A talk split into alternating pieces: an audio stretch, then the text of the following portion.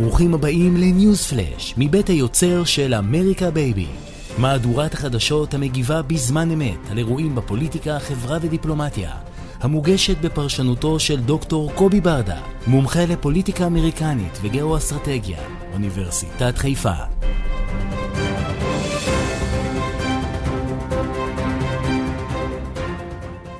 שלום וברוכים הבאים לעוד פרק של ניוז פלאש.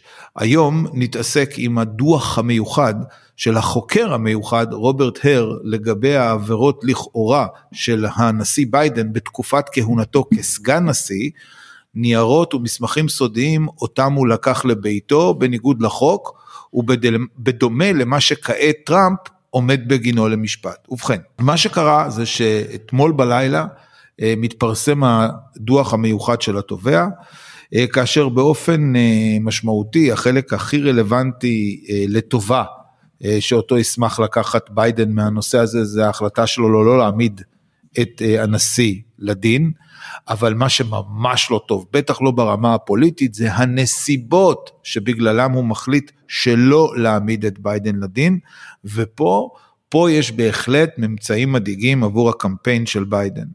היועץ המיוחד מציין שלנשיא ביידן יש מגבלות משמעותיות בזיכרון.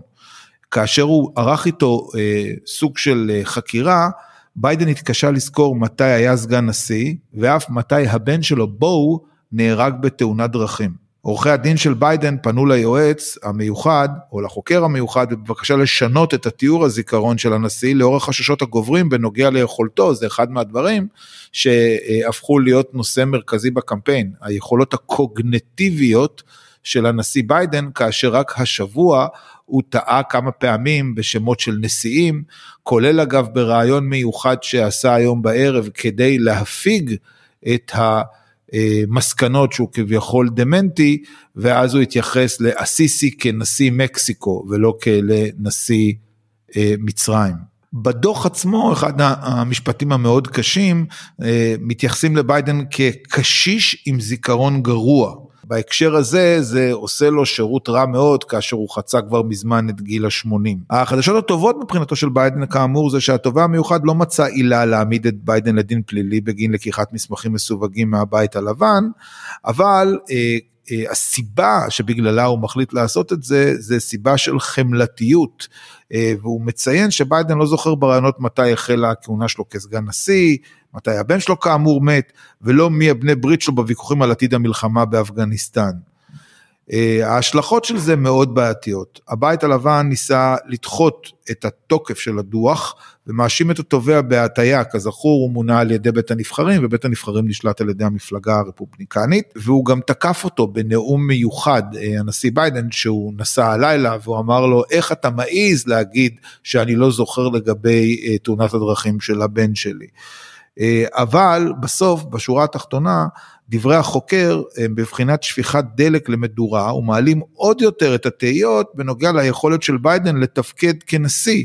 למעשה הסיבה שבגללה החוקר מחליט שלא להעמיד את ביידן לתיק זה בגלל מעורבות של אם תרצו רחמים וחוסר יכולת בגילו המתקדם לעמוד במשפט, כאשר הציטוט המרכזי ליכולת שלו לעמוד מול חבר משבעים הוא אומר שאי אפשר להעמיד לדין קשיש בן 80 פלוס עם זיכרון דועך.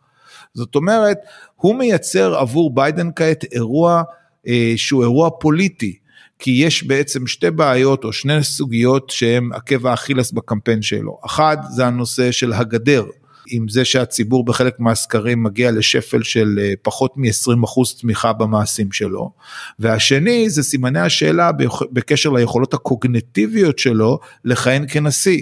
הוא נראה הרבה פעמים אה, מטושטש, אה, לא ברור לאיזה כיוון הוא הולך, אה, לוחץ ידיים לאוויר, מרבה להתבלבל בשמות של מנהיגים אותם הוא פוגש, כולל זכור גם כן התנומה הקלה שהוא חטף תוך כדי השיחה עם בנט, וכל זה מעורר את אה, סימני השאלה והתהיות, האם הוא כשיר לעוד ארבע שנים בבית הלבן, וזה אה, בניגוד אגב לטראמפ שנראה מאוד אה, חיוני ומסוגל לעמוד שעות ולנאום בפני קהל של מאות אלפים, עשרות אלפים, שם את ביידן בנקודה מאוד מאוד בעייתית. גם את המפלגה הדמוקרטית זה שם בנקודה מאוד בעייתית, בגלל שלא מקובל להחליף נשיא מכהן אם הוא רוצה לרוץ לקדנציה נוספת.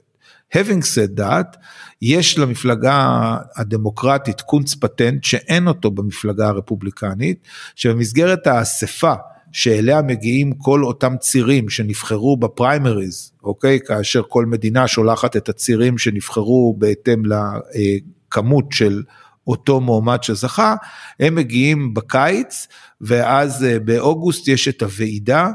אה, והוועידה בעצם במסגרתה מצביעים מי הוא יהיה המועמד. ושם יש את המוסד שנקרא ה super delegates, שזה אם תרצו אה, צירי העל, שהם לא נבחרים אה, כחלק מקמפיין בחירות, אלא הם מגיעים מעל אותם בחירות, וזה נשיאים לשעבר, חברי קונגרס, סנטורים וכל מיני אה, עסקנים כאלה ואחרים, מוסד אגב שלא קיים במפלגה הרפובליקנית, שהם יכולים למשוך פתאום איזשהו תרגיל ברגע האחרון ולהחליט למשל, לצורך העניין, אה, שהם ממנים איזשהו מועמד אחר בהסכמה, או שהם מחליטים שהם הופכים את סגנית הנשיא למועמדת לנשיאות אה, וכן הלאה. התרחיש לזה הוא לטעמי מאוד מאוד נמוך, למרות שמרבים לדבר על האפשרות שפתאום מישל אובמה יום אחד תחליט שהיא רוצה להגיע ולהתמודד, אבל באופן אמיתי ומהותי היא, אה, כל פעם שהיא נשאלת בקשה לזה, אומרת שאין לה שום עניין והיא לא רוצה.